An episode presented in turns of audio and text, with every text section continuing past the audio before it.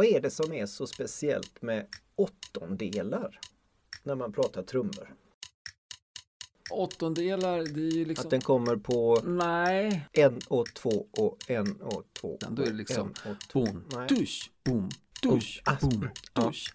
Och så har du liksom lite hi-hat. får jag bara som fråga, är det det som kallas för backbeat på engelska? Ja, Man brukar säga att det, ja, det, och det, det är inte så, Men om du har, ja vad ska man säga? Alltså, om du har eh, eh, hi-haten så har du baskaggen en, ligger på tvåan för att i en, eh, i en fjärdedels takt. takten på ettan med baskaggen och på tvåan med virveln. Ja. Ja, men det är det jag menar.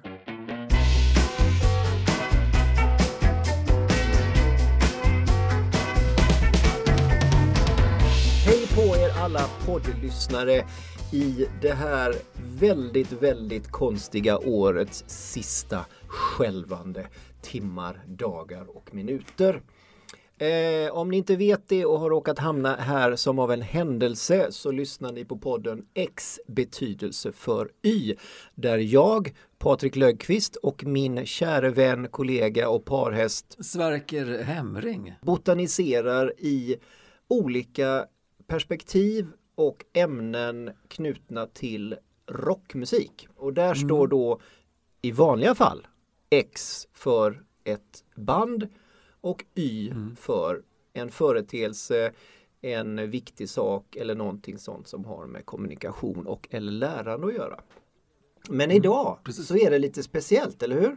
Ja, det är väldigt speciellt. Det vi bestämde i slutet på förra programmet. Det blev ju liksom då trummors eller trummisars betydelse för USP, alltså Unique Ja. Selling Point. Jävligt nice.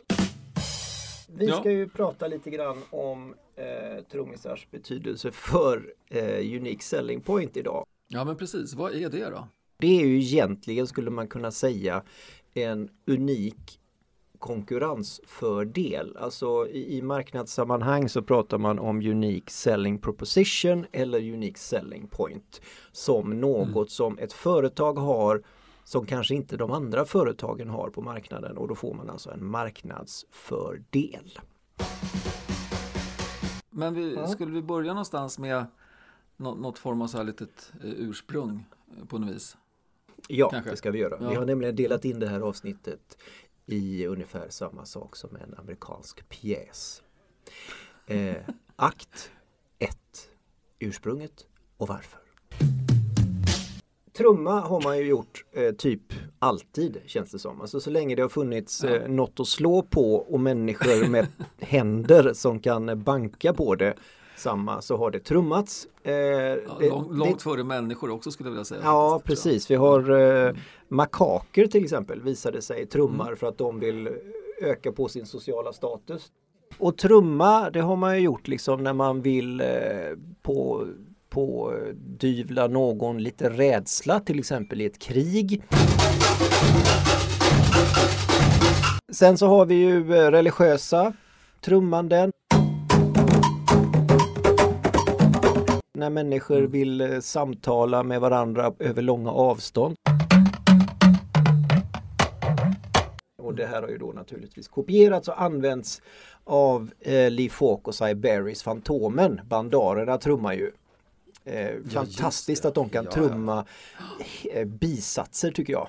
Det är häftigt. Det tror man inte att trummorna var Nej. kompetenta och möjliga att klara av. Vi gör ett snabbt hopp framåt i, eh, från Fantomen till eh, när det börjar närma sig rock'n'roll då.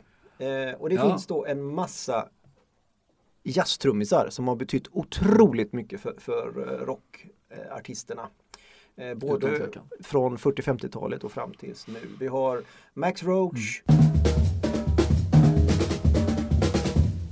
Vi har Ron Hayes.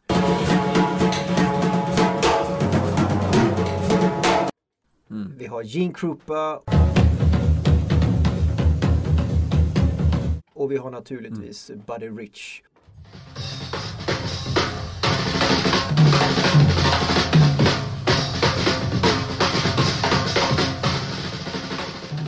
Men vi ska hoppa över dem. Och Ja, istället gå in på det tidiga rocktrummisarna. De som någonstans låg grunder för det som senare kommer att bli rockkompet. Mm. Eh, och där har vi ju då till exempel eh, den här.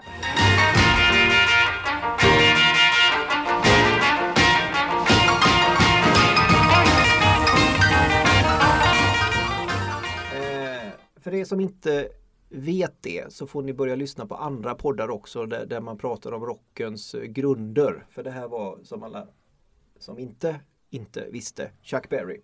Eh, och där fanns det en kille som heter Fred Bellow och han är otroligt betydelsefull trummis. Eh, mm. och, och, väldigt, väldigt eh, eh inflytelserik på sina mm. senare eh, vänner och kollegor i branschen. Absolut. Eh, sen har vi den här och det var lite kul att du inte visste riktigt vem det var. Eller vilken ja, låt kan... det var. nej. nej. Och den här Just. är ju inte så Den är inte så rock'n'roll.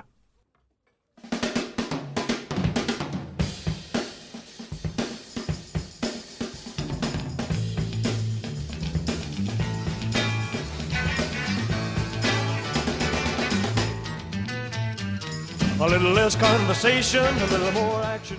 Elvis Presley, A little less conversation. Alltså den är ju väldigt groovig. Mm, väldigt groovig är den. Och, och, den som står för det här groovet då det var en eh, man som hette DJ Fontana. Också väldigt, mm. väldigt, väldigt inflytelserik. Eh, spelade med mm. Elvis mm. tror jag i ja, 600 år känns det som. Han var med honom ja, jätte, jättelänge. Han var väl med ända in i Las Vegas-kaklet. Ja, jag tror det. Tror jag. Eh, mm. Men det här var ju väldigt, det här var ju väldigt liksom nästan latinorytmer, nästan lite rumba sambaaktigt då. Och, och, ni som eh, kanske är lite yngre lyssnare har ju naturligtvis hört den eh, den house-mixen som, som gjordes på den här låten och som användes för att eh, göra reklam för märket Nike var det va? Var det inte så? Var, ja, det var nog Nike ja. Ja, men så är det ja. Mm. Mm. Om man då krymper så mycket som man i princip kan krympa ihop trummandet och, och liksom mm. bara har trum nästan. Eh, så kommer man till en lite tidigare herre eh, som heter Bo Diddley. Han hade en Absolut. väldigt, väldigt eh, bra trummis som påverkade hans uttryck enormt mycket.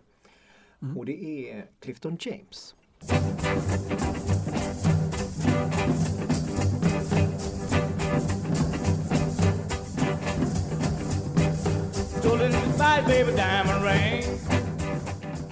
Alltså den här, den här shuffen, det här groovet, mm. det här mm. gunget. Jag tycker han är så ja, men, jävla bra på det. Ja men han är det och det är ju det de här killarna kan. Det här med, med shuffle och få det att svänga. Det, det låter inte avancerat. Eh, och det är inte avancerat. Det är bara otroligt smart, snyggt och eh, liksom kompetent och samtidigt så det, finns det finns en komplexitet i det. Men trots att det låter enkelt. Alltså mm. Det är det som är så häftigt med det här shuffle-köret som de, som de verkligen besitter liksom, eh, fullt ut. Mm. Eh, sen kommer vi till en annan eh, och kanske den sista av de här tidiga inflytelsepåverkande eh, trummisarna. Eh, Charles Connor.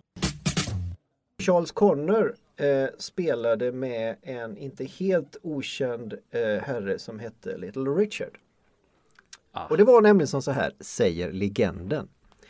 Mm. Eh, Charles Connor hade i princip inga pengar. Han hade pantsatt sina trummor. Han hade hål i sina skor och han hade inte mat för dagen. Och så av någon anledning som inte jag riktigt kommer ihåg nu, den var ganska krånglig den anledningen, så råkar han på Little Richard och Little Richard säger Du, dig vill jag ha som eh, trummis i mitt band och då säger Charles Connor, ja fast jag har inga trummor nu för några har pansat. Inga problem säger Little Richard, jag är rik. Typ. Så jag går och pantar ut dem för dig och så hänger du med mig hem. Mm. Jaha, mm. sa Charles Connor, ska vi öva hemma hos dig? Ja, för jag är inte så rik, sa Little Richard. Så jag har inget eh, riktigt repetition, så jag har ingen replokal att vara i. Så vi får vara i mitt rum, i mitt hus. Mm. Eh, och Coolt. Så hade de varit där eh, eh, ett tag och så sa han, men du, jag ska visa dig en sak. Och du ska följa med mig och vi ska åka till tågstationen på Fifth Street i Mason, Georgia. Det var där de var nämligen. Så åkte okay, de dit ja. och så kommer tåget och då säger Little Richard Charles, det här vill jag att du ska göra.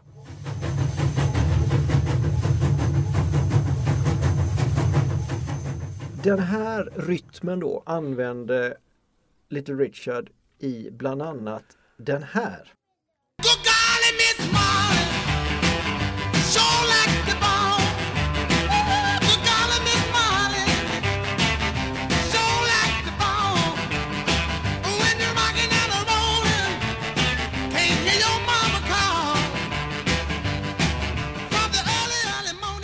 Och sen också så använder han den i den här.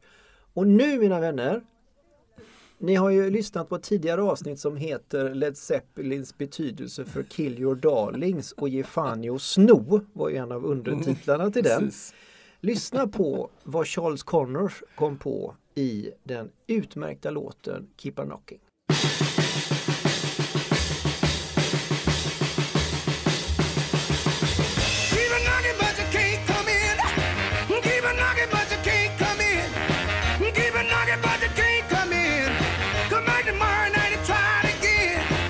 Ja du, Bonzo! Steel with pride. Det, det var ju lite grann eh, eh, ursprunget då. Men Sverker, om vi då pratar lite grann om varför ger trummorna och, och kanske lite grann också då hur är, vad, är det som, vad är det med trummor som är så, så alltså, varför har de en sån påverkan på bandets sound? Men det är ju så här alltså, trummorna och lite grann tillsammans med basen såklart sätter ju hela rytmpaketet. Det är liksom, det, någonstans är det så att man vill ju få folk att det ska, det ska hända, det ska liksom pulsera lite grann i kroppen, det ska man vill röra sig, liksom, det har lite grann med, med, dans och så att göra. Men det är ju det att mm. alltså, med trummorna, alltså, du har ju de tre grejerna som, som är grunden för ett trumkomp. Det är ju hi-haten, det är ju liksom två symboler, den ena är upp och ner, den andra är som vanligt och så har man en liten pedal till det så att man kan liksom öppna den här hi-haten och få lite olika ljud på.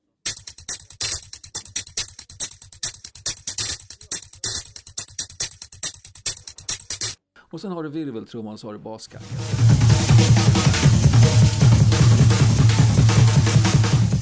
Mm. Och sen är det den här grunden som vi pratade om det här med, med, med, med takten. Mm. Att i en vanlig 4-4 så liksom man får till det här boom, dusch, boom, dusch, mm. boom, dusch. Så att liksom, och det där kan man ju sen utveckla hur mycket som helst. Men att få till det här så att det liksom, du får ett, ett, en rytm som känns i kroppen. Du liksom vill inte du börjar kanske röra på en fot eller på en arm eller bara svänga runt lite grann för du tycker att Nej, men det här det är någonting som svänger, någonting som lever, någonting som känns jävligt nice.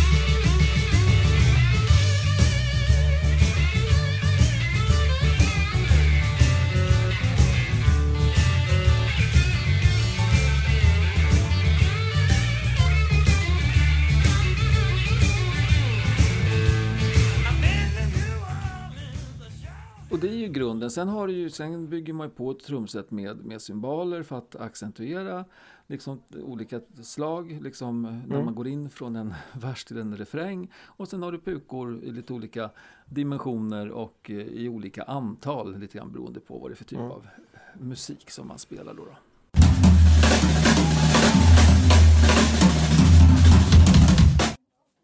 Alltså när, när ja. man använder accenter när man trummar, vad, vad, vad är mm. det?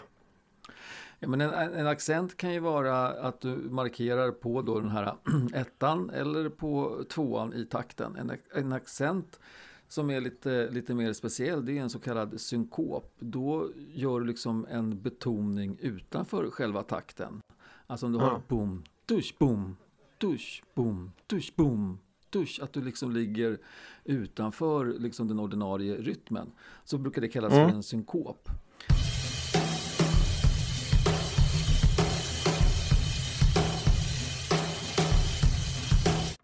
Eh, och sen mm. har du det här med att eh, mellan de här eh, ettan och tvåan och trean och fyran slagen så kan du lägga in så kallade Ghost Notes eller ja, spökslag. Som, mm. Det är mm. inte riktiga slag utan det är bara små grejer som ligger och driver på. Utan att det liksom, man kanske inte hör om man inte verkligen lyssnar efter dem. Är, är, det, är det som när man eh, ska gå hemifrån och jobba? Och så, och så har man så bråttom så man, man, ska, man har tänkt att pussa sin fru men det blir liksom bara en futt. Är, är, det, en, ja, är det typ en ja, det, ja, det var, det var väl väldigt bra. Vi kommer nog ha ett litet bra exempel eh, lite längre fram när vi pratar om trummisar på vad det här med Ghost Notes är för någonting. Mm. Eh, men det är någonting som gör eh, trumkompet mycket mer levande. Mm. Det gör det ju. Mm. Eh, utan att det för den saken skulle liksom förtar själva rytmen eller dynamik. Ja, det, det är väl det det gör. Det höjer dynamiken i kompet.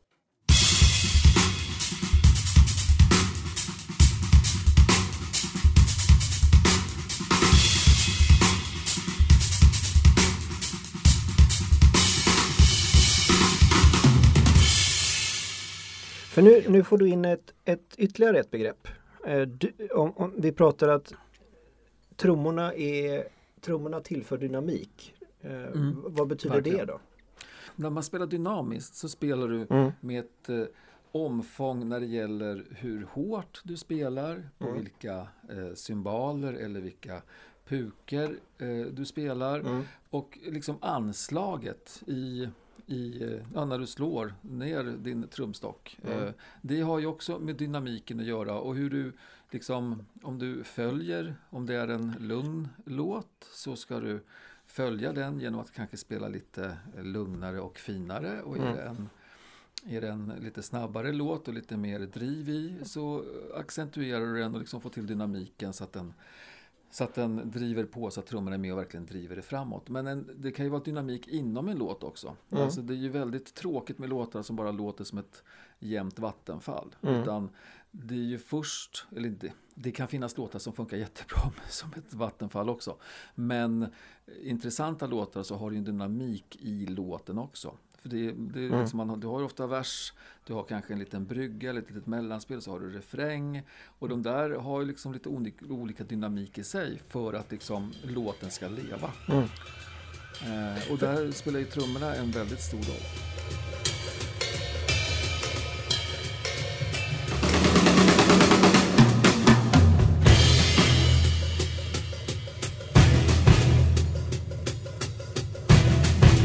När, vi började med den här podden så upptäckte vi ju att att, att musik hänger intimt samman med både kommunikation och i många fall faktiskt med lärande. För att det handlar ju någonstans om att de som spelar in en låt eh, vill ju, om man inte då kanske sysslar med K-pop, eh, inte bara tjäna pengar utan man vill ju också säga mm. någonting, man vill ju uttrycka sig.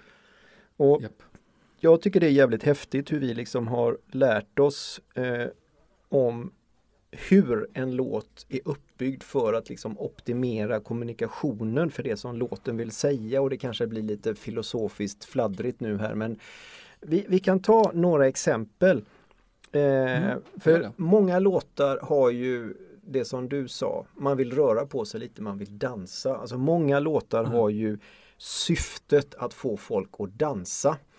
Och mm. eh, nu kära lyssnare om du råkar köra bil eh, ta, Tänk på hur du har gaspedalen för det här gör inte att man vill bromsa.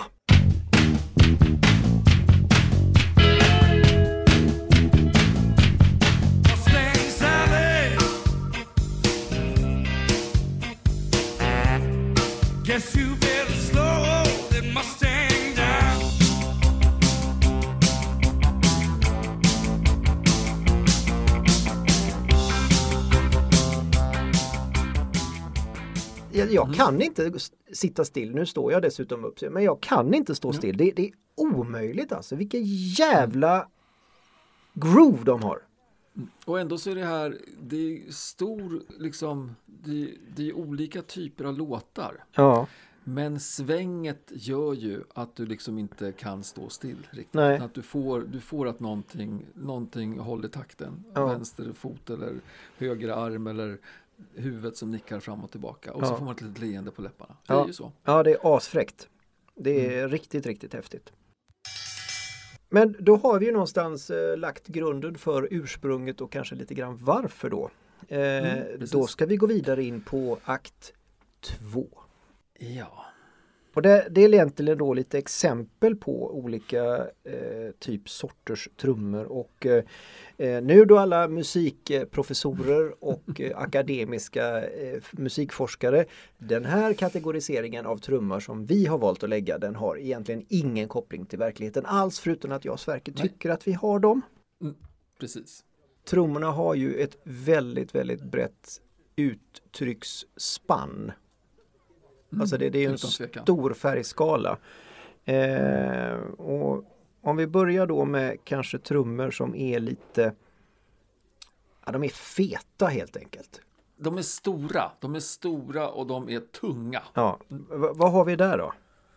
Jo, men vi har ju eh, klassikerkillen som vi redan har nämnt lite grann. Då. Det är ju Mr Bonzo, eh, trummisen i Led Zeppelin, eh, John Bonham. Ja.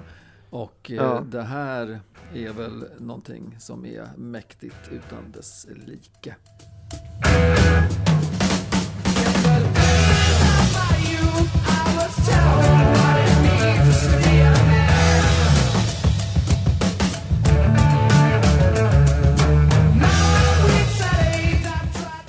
Ja, alltså det är ju, det är ju som det är som blir påkörd av en, en, en buss.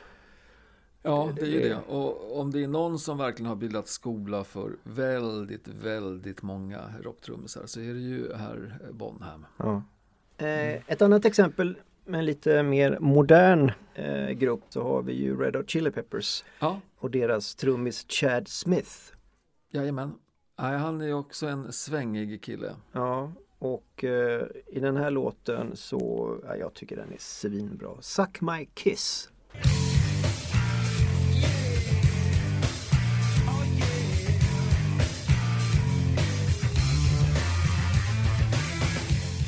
Oh! Nej men han är ju Han är en modern eh, trummis men med det klassiska liksom hårdrockssvänget. Ja. Eh, han, nej, han är riktigt, riktigt bra. Och han är ju verkligen en, en USP för Red Hot Chili Peppers tycker jag. Mm. Eh, precis som man brukar säga att basisten Flia är ju också väldigt, väldigt egen. Eh, och de två mm. tillsammans får det ju att svänga något fruktansvärt. Ja, eh, brukar man, brukar man säga att eh, trummor och bas är det liksom en, en sektion i bandet?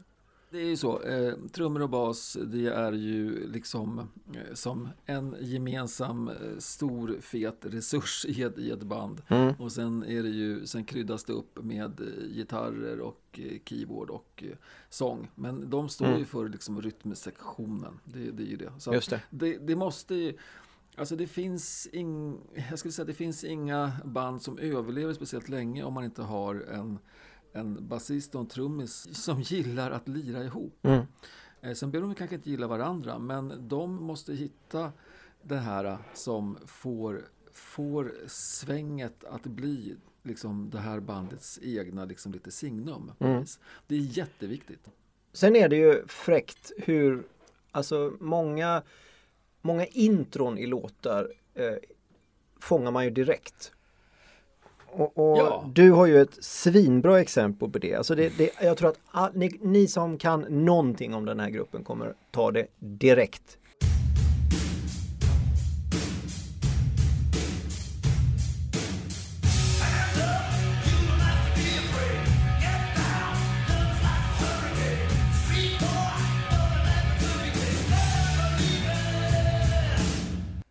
Det är ju klockrent. Och, och, och det är löjligt ja, det... jag, jag tror ju att det är att det är Peter Criss som spelar, men det är det ju inte. Nej, det här är ju då Eric Carr ja. eh, som lirar. Och mm. eh, det här är ju liksom första plattan som han eh, var med på som heter ja. Creatures of the Night, men låten heter ju I Love It Loud. Ja. Och det är ju det här, det är ju så otroligt, det är ett simpelt komp, men det är liksom bam, bam, bash, bam, bash! Och du hör, det räcker med första två liksom, slagen så mm. vet du precis vad det är. För att det är, är ett sånt fett ljud på den här mm. liksom, produktionen också. Mm. Eh, så att, eh, ja, det är coolt. Sen när vi har letat lite grann och botaniserat så hittar man ju saker som man inte i sina vildaste drömmar någonstans trodde att man någonsin skulle få höra.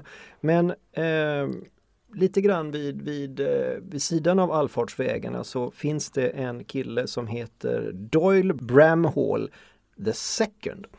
Eh, och han har en för mig helt okänd trummis som heter Charlie Drayton.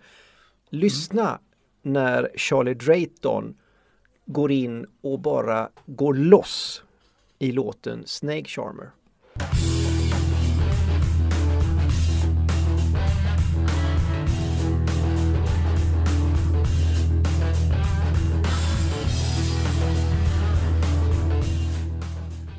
Alltså han är så jävla skramlig. han är sådär. Och det, det är också det, han, han, han tillför verkligen, han sätter identiteten, han identifierar bandet så starkt med, med, med, med sina trummor. Vi måste ta ett exempel till och det var ju faktiskt det, det trumintrot som vi avslutade förra avsnittet med. Mm. Eh, en också klassiker. Kanske inte världens mest eh, välkända band med, utanför om man säger hårdrockskretsarna.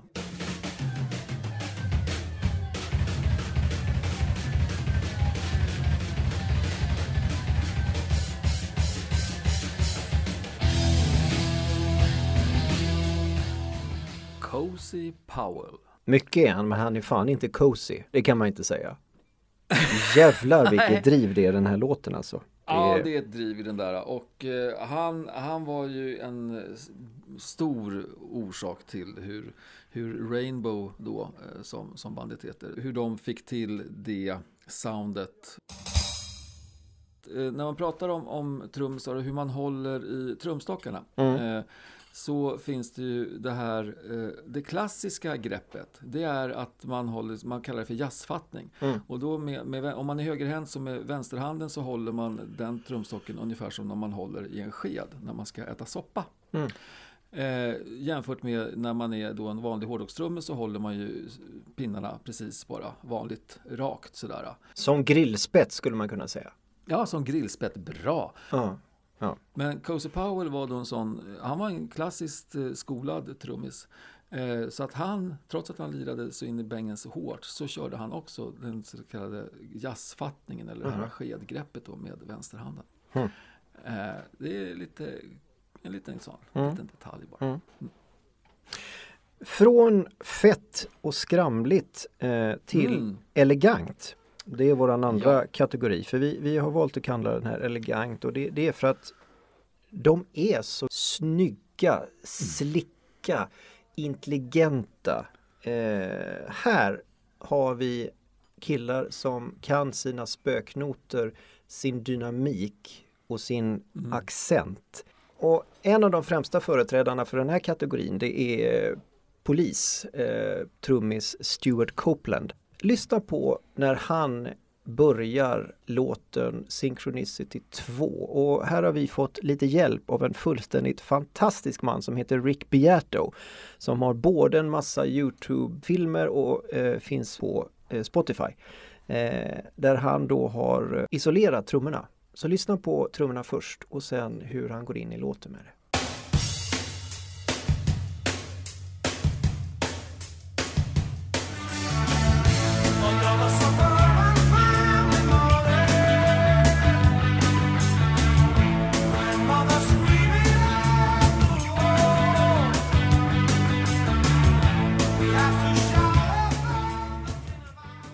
Så jävla bra Ja. så man blir alldeles trött på det. Nej, men han är ju en av eh, världens främsta eh, rytmskapare. Ja. För att, eh, och det, vi pratade ju en hel del om det på, i avsnittet som handlade om, om polis. Mm. Hur, han, hur han verkligen bidrar till eh, liksom polissoundet. Ja. Med det här, eh, det, det, det är torrt och sprött trumljud samtidigt som det är stort och fylligt. Ja. Det är jäkligt märkligt hur han, hur han får till det. Mm. Men han är fruktansvärt duktig. Han använder också det här jazzgreppet. Mm. eh, För övrigt.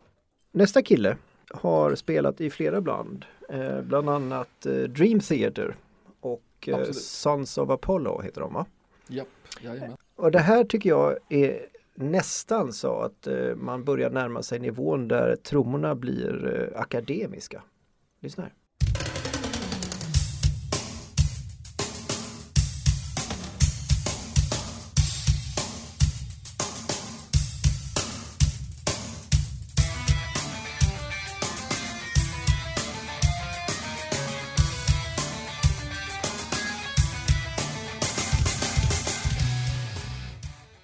Alltså det är så mycket. Det är mm. så mycket det här lite ding, dong, bong, mm. dong. Alltså det, ja. Men nu har vi klivit in på en liten annan eh, liksom, musikalisk bana. För det här är ju progressiv rock när ja. den är liksom, i sitt främsta rum. Och vad, vad är då progressiv rock? Ja, det är ju inte bara det här 1, 2, 3, 4, 1, 2, 3, 4. Utan då är det, det är taktvändningar, det är 15, 17 dels takter. Det gäller att man är nästan matematisk och kan sitta och räkna eh, mm. för att liksom få sakerna att funka. Eh, och det är, de är otroligt tekniskt duktiga. Men det här är ju Mike Portney. Eh, då då. Mm. Och han är ju inte bara liksom Portnoy. brist. Portnoy heter han. Mike, Mike Portnoy. Portnoy. Mm. Ja. Eh, utan han, han är musikalisk i sitt trummande.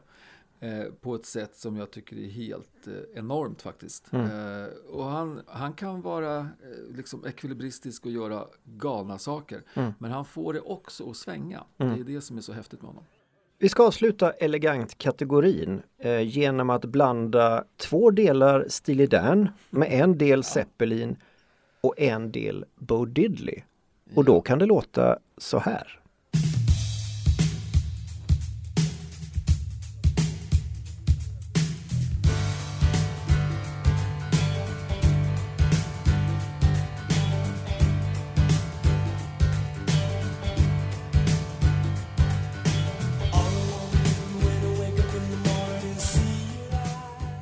Jag, jag, tror fan att det här introt är det som identifierar det här avsnittet. Alltså det, det är så otroligt tydligt vad detta är.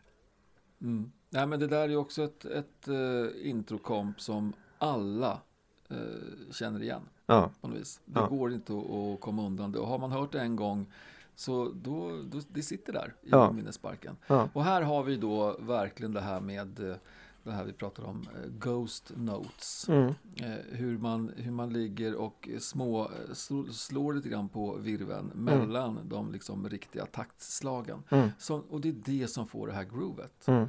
hur han då liksom har plockat delar ifrån andra trummisar och sätter ihop det här till liksom den klassiska Rosanna-låten. Mm. Det är Nej, det är riktigt, riktigt häftigt. Mm. Men vi kanske ska nämna också Jeff Porcaro, eh, som han heter. Mm. Eh, var en av de eh, mest anlitade studiotrummisarna eh, under 70 och 80-talet. Mm.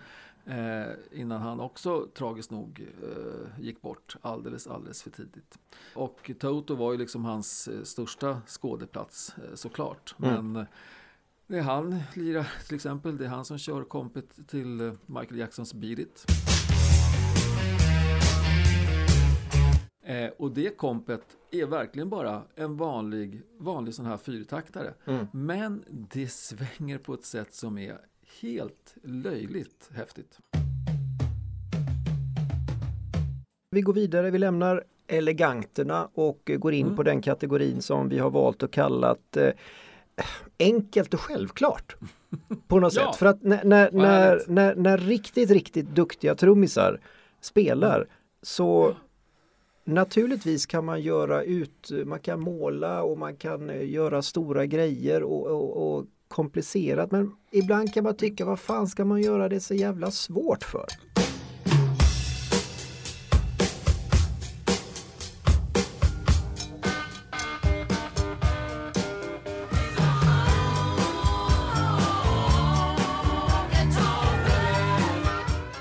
Honky Tonk Woman, också en låt mm. som sätter sig direkt i huvudet på en. Den går in i hjärnbarken i vårat eh, rytmcentra, om vi nu har något sånt. Det har vi. Ja, det är absolut att vi har det. Det, det. det, är ju typ nästan så som man lärde sig spela när man gick i åttan och skulle ja. visa att man kunde spela trummor. Ja. Eh, fast Charlie kan det lite bättre naturligtvis. Han kan lite bättre. Charlie är dessutom eh, jazzskolad.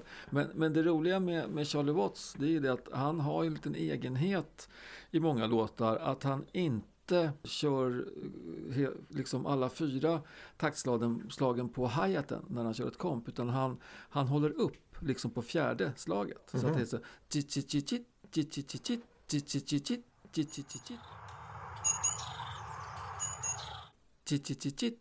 vilket gör att det blir ett litet det, det får ett sväng och en, en, liksom en, en frånvaro av ett slag får en accent Mm.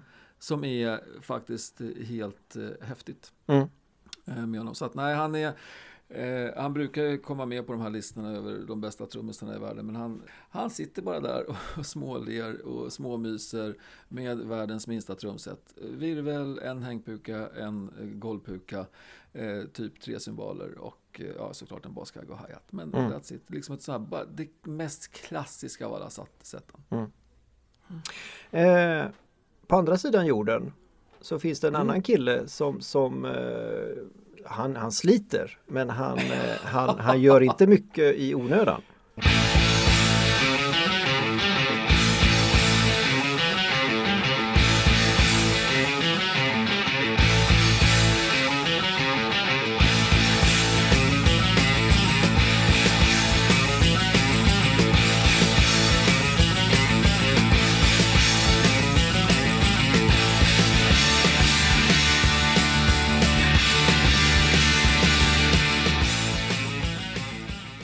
Jag kan tycka att Phil Rudd då som vi precis lyssnade på, ACDCs trummis, han, han är lite grann som Franske Bengtsson. Det, är det- avskalat. Ja, det- det är avskalat och det, det är så här att plockar man bort ett taktslag då, då, då, då försvinner liksom, då faller allt ihop. Ja. Alltså han, jag, jag förstår inte hur någon kan spela så simpelt och ändå få sånt jävla sväng. Mm. Ja, men han har ett sånt tryck i sitt komp. Och han, det, det låter bara så otroligt självklart hela tiden. För det finns, det finns inga stora överraskningar. Sen kan han göra små grejer här, men det är, han, är, han är en skitduktig trummis. Men det är inte så att han visar det liksom på giggen eller på plattorna, utan han vet vad hans jobb är. Det är att få det här, den här kolossen ACDC, det ska tuffa på. Liksom. Och det ska tuffa och det ska bara vara självklart. Och det är bam, dusch, bam, dusch. Alltså, s- verkligen. Det finns ju någon som tycker att det här med vadå less is more, att det är liksom more is more. Nej du, Mr svensk-amerikanska eh, gitarrekvilibristen.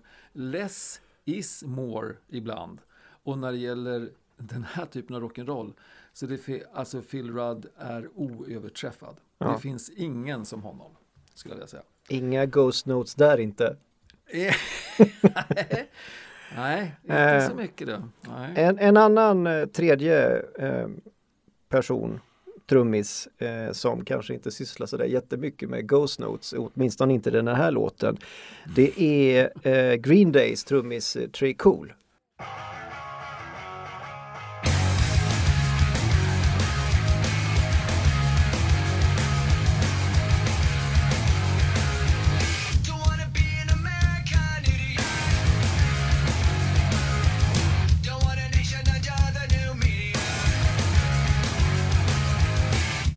Charlie Watts, Phil Rudd och Trey Cool, det är typ, om man skulle kunna säga, de, de- här går till jobbet.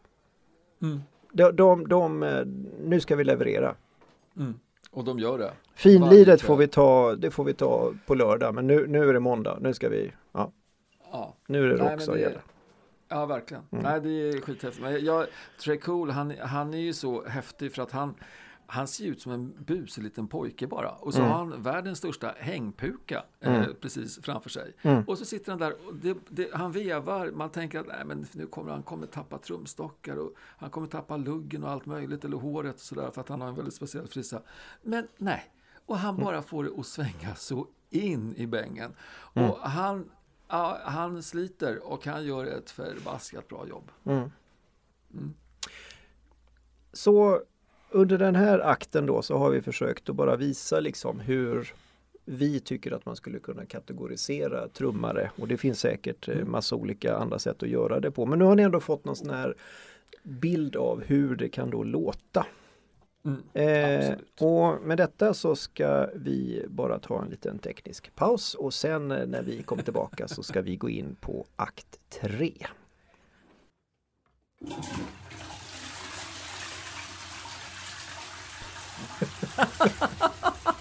56 minuter är vi på. Ja, jag vet. Det är skitbra, Ja. Ehm, tycker jag. nu är vi tillbaka. Eh, och då Ja. ska vi gå in på den sista akten på det här eh, som då vi väljer att kalla akt 3. Eh, och då har vi Nu, nu kommer upplösningen. Ja, nu kommer upplösningen och då har jag och Sverker gjort varsina listor här på Ja, vad vi eh, tycker är trummisar som har haft betydelse för ett bands unique selling point eller givit dem marknadsmässiga konkurrensfördelar. Givit dem. Ja, alltså trummisarna har ju givit Jo, jag- bandet. Nej men gi, alltså just ordet givit, det är det som, förlåt men jag tänkte, gett.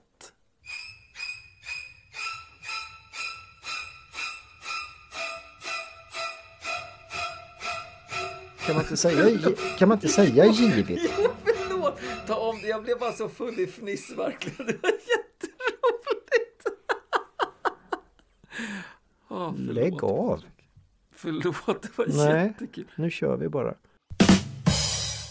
Peter Criss är ju för mig eh, en, ja, han är anledningen till att jag liksom fortfarande lirar trummor. Eh, han har ju också ett eh, sväng. Han kommer från jazztrummismjölken. Eh, till och med gick han väl och tog några lektioner av han Gene Krupa. Men han har också ett, ett sväng i, i musiken som absolut bidrog till att Kiss fick den liksom uppmärksamhet och stardom som, som de har Eh, haft.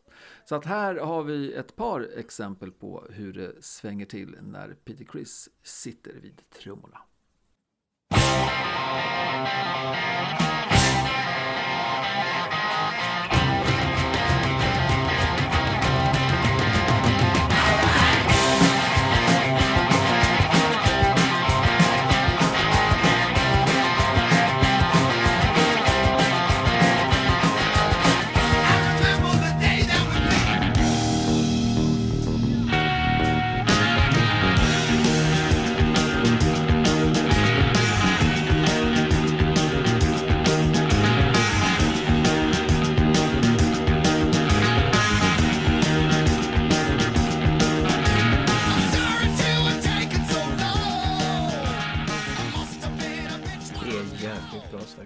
Det, Alltså, är, det det är är- väldigt bra och det, det är han Jag håller med dig. Han, han, han är faktiskt en av de trum, trummisarna som hjälper till att definiera ett band. Ja, nej, men det, det går inte att komma ifrån. Sen har Kiss var ju väldigt mycket mer än, än så. Mm. Eh, är det ju. Men eh, nej, han väldigt, väldigt bidragande till deras USP. Var du med då? Ja, ja, men nu har vi en annan jätteklassiker eh, som också jag kan ibland tycka får lite oförtjänt eh, eh, taskiga ord liksom. Att Mm. han, blir, han blir lite kritiserad. Och det är ju faktiskt Beatles trummis Ringo Starr. Ja. Alltså, han är helt fenomenal eh, på trummor. Eh, Mm. och om man dessutom då lägger till att han är vänsterhänt som sitter på, på en, en högerhänts trumset så blir hans eh, små grejer som han gör ibland, det låter lite konstigt för att han liksom börjar med fel hand eller börjar med fel trumma. Mm. Men här har vi ett par exempel på hur han får det att svänga på det mest fantastiska sätt.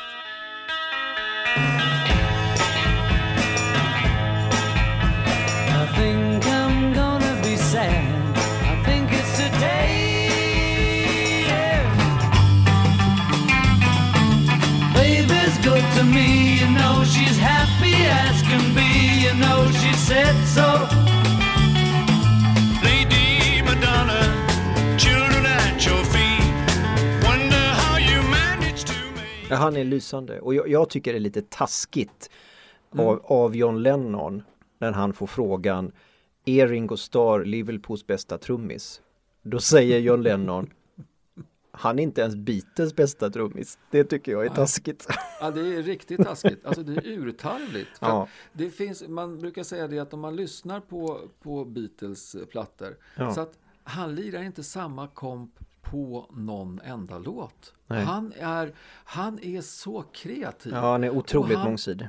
Och verkligen mångsidig. Och, Ja.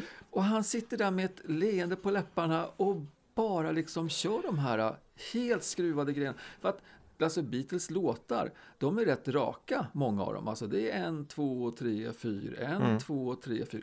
Men han hittar på grejer där bakom så att det lyfter till helt andra dimensioner. Så att, nej, Ringo Starr är verkligen en star. Mm. Så, end of discussion. Ja. Nu tänkte jag faktiskt eh, eh, hoppa över nästa som står på min lista. Bara för det. För er som inte vet det så är det Bonzo, John Bonham, som vi har bara släppt. Vi ska prata om en trummis som vi inte har snackat någonting om i något enda poddavsnitt snitt tidigare. Nej. Och det är Deep Purples eh, ordinarie trummis Ian Pace.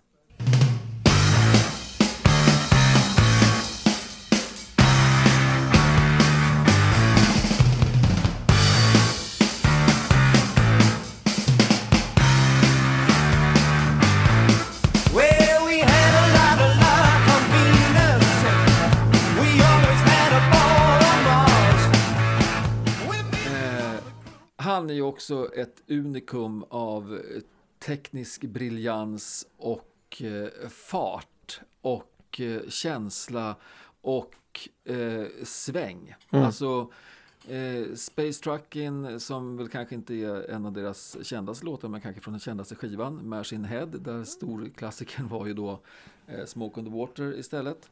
Eh, visar verkligen hur man kan traktera ett trumset. Nej, för honom, eller för mig så är han eh, väldigt högt upp på listan över trummisar som har definierat liksom bandets, hur de, hur de låter och får till deras unique selling points.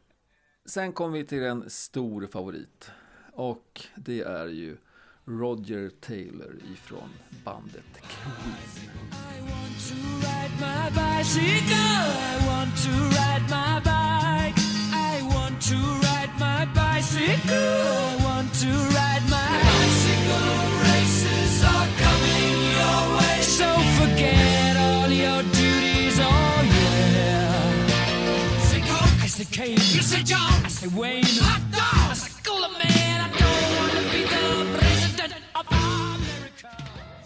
Jag tycker det är jättespännande att du valde just den. Ja, Hade, hade jag valt... Jag, jag, hade, jag hade aldrig valt den, men det, det är ett Nej. väldigt bra... Jag tycker det är, det är ett bra val. Men det är väldigt tack. oväntat. Ja, det är det. Men den här låten då, Bicycle Race, är ju den, har ju, den är speciell på väldigt många sätt. Eh, dels, det är ju liksom en, en häftig historia med liksom att eh, bara en, en tävling med, med cyklar. Men det är det att eh, Roger Taylor är inte bara en trummis, han är även sångare. Det var ju och är ju även Peter Criss också. Nåja, Peter Criss? nåja. Ja, men okej. Ska, vi gå in, ska vi gå in på det här verkligen? Ska vi verkligen gå in Nej men jag tycker att Beth är fin. Men det är inte, det är inte så att han kan sjunga. Han kan inte sjunga som Roger Taylor kan. Lyssna på Black Diamond. Vem är det som sjunger på Black Diamond?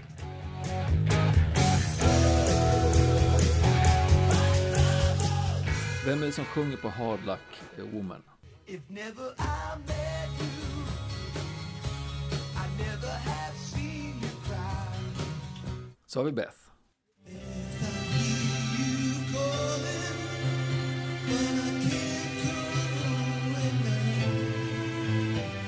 Ja. Ja. Mm. Nej, alltså. Restar du ditt case eller? Nej, jag säger bara att du kan inte vinna den matchen. Nej.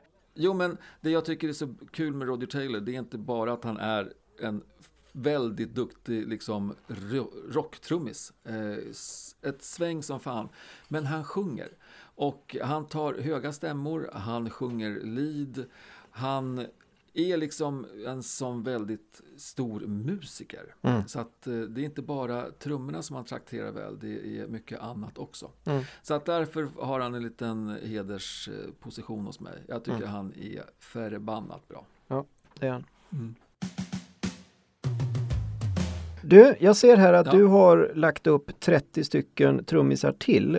Eh, Sverker, om ni inte vet det, han sitter ju i ett ombonat, varmt, uppvärmt gäststugplace på eh, Gräddö eh, i Norrtälje kommun. Medan jag står här och fryser öronen av mig i ett askallt garage. Och ska du dra alla de här trummisarna, då kommer jag att dö. Ja, men hörru, vi Ja. kan vi inte plocka in några av dina då? Så kan jag kanske Nej men du får, du får ta en till. Får jag ta en till? Ja, du får ta en till. Ja, nej, men då tänker jag ta en, en lite nyare kille Mm. eh, som också har förvaltat eh, den här trummisen som vi faktiskt inte har med nu då på den här listan. Mm. Eh, ut, nej, precis, utan nu ska vi ta Rival Sons trummis Mike Miley.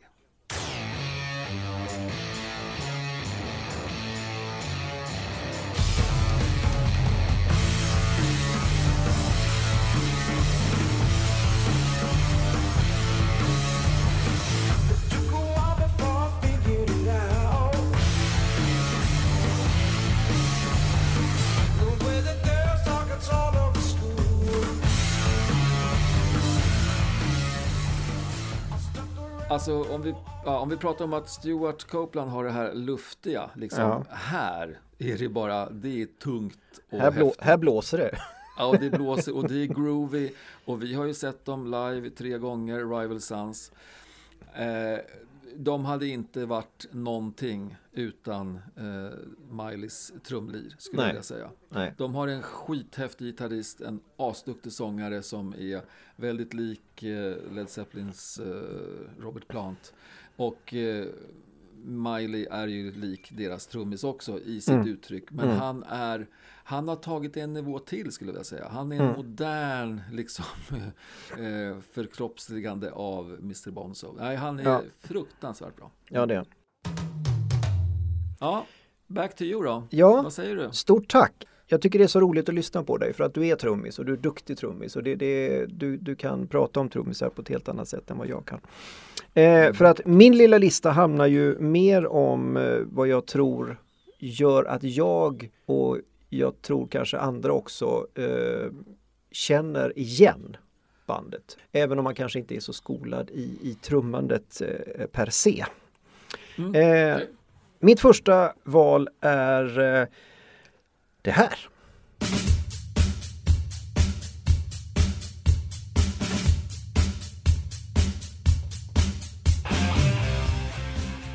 Frank Beard är är en bra trummis tycker jag för att sätta och definiera bandet eh, eh, ZZ Top. Eh, här då med Give Me All Your Loving eh, från, eh, är det Eliminator? Det är Elim- Eliminator, Ja, absolut. Mm. Nej, men och här är det ju också precis på samma sätt som I Love It Loud med Eric Carr tidigare. Att det räcker med, med två, en takt. Ja. Så hör man precis vilken Ja. låt det här är. Nästa trummis är Jack Whites syrra Meg White. Eh, de har en grupp som heter White Stripes som består av Meg och Jack. Jack på gitarr, hon på trummor.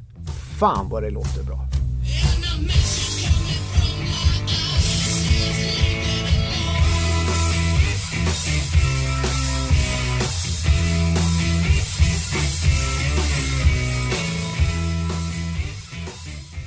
Vi kommer i min nästa eh, trummis att eh, smyga in lite svenskhet i det här. Ah, äntligen! Här är de.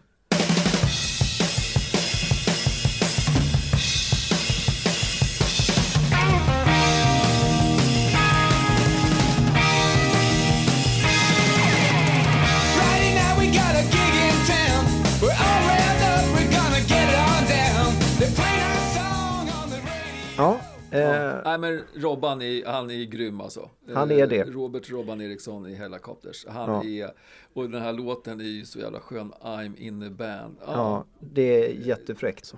ja. ja. Nej, Mm. absolut. Och sen, det, det ännu roligare, det är det att eh, vem är det som står och sjunger och som skriver låtarna i Helicopters? Jo, det är ju Nicky Andersson som är gammal trummis själv ifrån hårdrocksbandet Entombed. Ja. Så att ha då liksom Nicke där framför sig och liksom vara Robban och bara liksom trumma skiten ur varenda skinn som finns i hela Sverige. Det är Ja. Mm. så häftigt. Nej, han är fantastisk.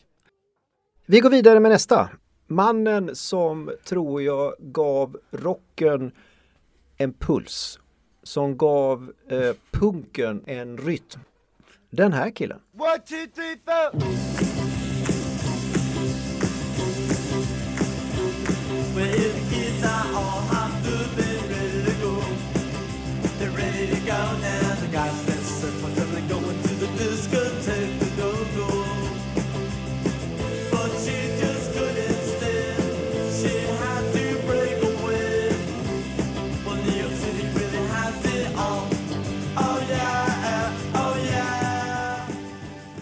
Och det är också det, alla vet vem det är. Direkt. Ja, det är klart att det är absolut. Ramones. Det, det, det går Ja. inte att inte höra det. Nej, och nej, och, och eh, igen, alltså han är bedrägligt simpel i sitt spel. Ja, ja visst. För det, ja. Det, det, han är inte, jag har förstått många trummisar som säger det är inte lätt att spela som Tommy Ramone gör. Nej, alltså jag har ju ett eh, gammalt eh, punkliv bakom mig och eh, Tom Ramones högerhand, den var man ju aldrig i närheten av. Han, han, det, det tempot och den hastigheten, det är löjligt. Mm. Eh, var snabb och han får ändå svänga trots att det går så jävla fort. Det, Ja. är, det är en bragd. Så att, Ja. nej, han, hederspris till Tommy. Eh, sen har vi väl kanske det bandet som någonstans öppnade, gläntade lite grann på, på dörren till det som sedan skulle bli punken. Det här, det är någonting som du sätter direkt.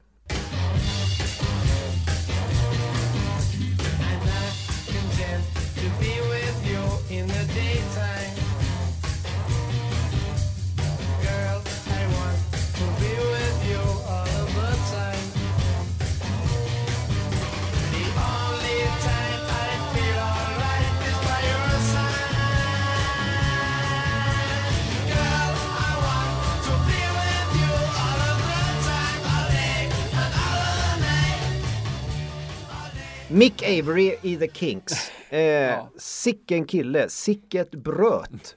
Och då får man ju tänka på att nu är vi någonstans i 60-talet där, där Ja, precis. man precis hade börjat förfasa sig över att folk hade långt hår på huvudet. Och så kommer det och då- här. Jo, precis. Och vad var långt hår på den tiden? Ja, det gick nedanför öronen liksom. Ja. Det, det var långt. ja, det var långt. Det, Sideburns var ju en styggelse. ja, ja, just det.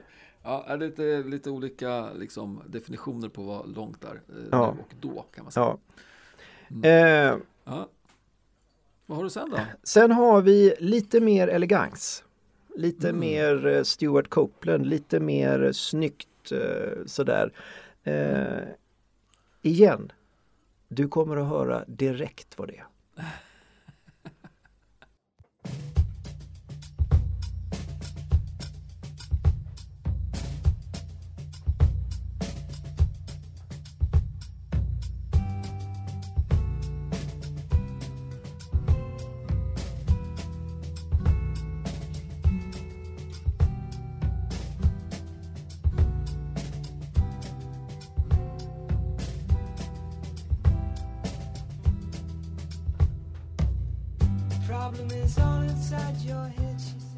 Visst är det snyggt? Det är så Ja, det är snyggt. jävla snyggt. Här kan man säga någon som klarar av att hantera eh, spöknoter eh, och, Mm. och tillsammans med Paul Simons underbara stämma och hela det här bandet som är så jävla duktiga musiker så blir det fullständigt lysande.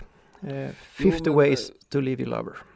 Mm. Nej men det är det, men Mr Gad då, då han är ju också en av världens främsta session drummers. Ja. Liksom han och eh, Jeff Porcaro och eh, Simon Phillips och det finns ett par till. Men eh, det Steve Gadd kan göra med det som kallas för paradiddle eh, och det är alltså när man slår höger, vänster, höger, höger, vänster, höger, vänster, vänster. Say what? Höger, vänster, höger, höger, vänster, höger, vänster, vänster. Det är en paradiddle. Alltså, och hur man, kan, an- hur man kan använda den i komp, i fills, i sväng, i groove. Det är han, aha, he's the master of paradiddle. Mm. Det kan ni kolla upp, eh, goda lyssnare, för det är löjligt eh, häftigt. Eh, och för att avsluta min lista nu eh, så Mm. tänker jag ta eh, mannen som vi dissade ganska hårt i förra avsnittet. För Ja. mina damer och herrar, för att avsluta akt 3 i det här poddavsnittet. Den här mannens trumljud, det vet man vilket det är. Dudum, dudum, dudum.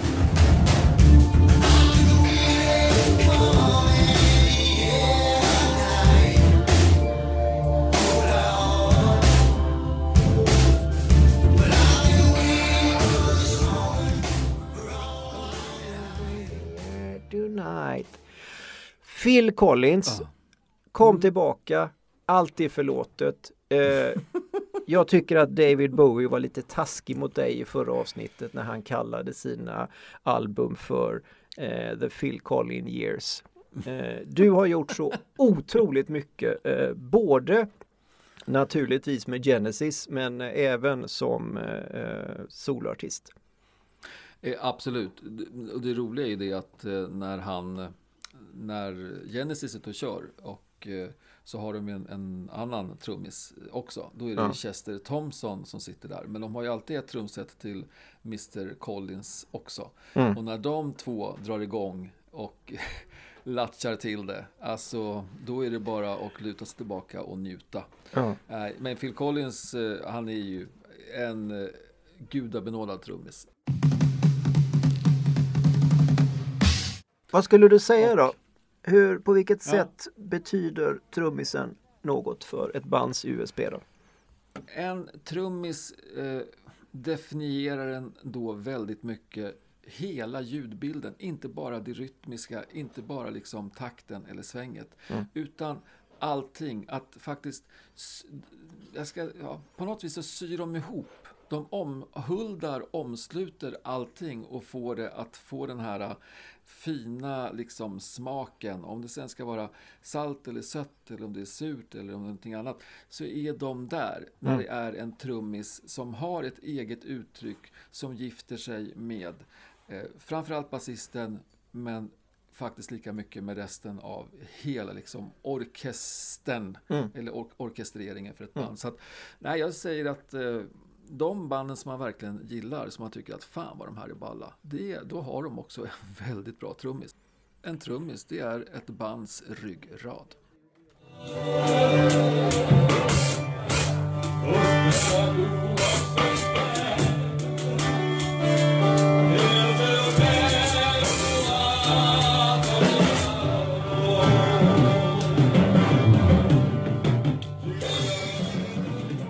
Det var det! Det var det. Nu ska Ja. vi göra vårt lilla, vår lilla fina grej att vi ska komma på, vi ska inte alls komma på, vi ska låta slumpen bestämma vad nästa program ska handla om. Just det. Och det Eh, kanske blir då, det blir det första programmet på liksom 2021. Ja. då. det kommer det Ja. att bli. Eh, Det kommer det bli. Då ska vi se. ta hela... Ja, okej. Ja, jag har mitt kuvert här, vet du. ja, jag eh, drar... Vänta, oj, jag tappar. Vänta, vänta. Ja, ja, ja, ja, jag är med. Jag är med. Ja, du tappar. Ja. ja, det är klantigt. Men det är så det går. Yes, nu, nu, nu, nu är jag här. Yes, jag har den. Ja, med tanke på vad det här avsnittet har handlat om så var det här väldigt kul att få upp det här bandet ur lilla kuvertet. Ja. För nästa avsnitt kompis, det kommer handla om Foo Fighters betydelse för Retorik. Ja, nej, men som Eh. alla vet, eh, Foo Fighters med Dave Grohl som huvudperson. Han var ju trummis i ett av de andra väldigt stora banden på 90-talet. Ja. Ja, kul. Ah, Jag, jag det- brukar säga jag är så himla glad. Jag är inte lika glad. Det här kommer bli jättesvårt. Ja, det blir en utmaning. Men det Ja. blir bra att börja eh, nästa år med en sån här utmaning då. då. Absolut. Foo Fighters betydelse för retorik. Ja. Jo, jo. Nej, men tack alla trummisar eh, får vi säga som har bidragit med eh, sina fina rytmer och grejer till det här avsnittet. Ja. Eh, och tack ni som har lyssnat. Det är alltid lika roligt att göra detta för er och det är alltid lika kul att få er respons. Vi får väldigt fin respons. Förra avsnittet så fick vi någon som sa bästa avsnittet hittills och det är ju fantastiskt kul. Ja, det är det är jätteroligt. Eh, Ni hittar oss där poddar finnes. Eh, exempelvis på eh, Acast, Soundcloud, Spotify. Mm. Vi finns på Instagram, vi finns på Facebook eh, och sådär. Keep in touch. Och ska vi säga det här klassiska, liksom som man brukar säga i slutet på ett år? Rock on! Ja, det kan vi säga. Rock on. Ha det bra allihopa.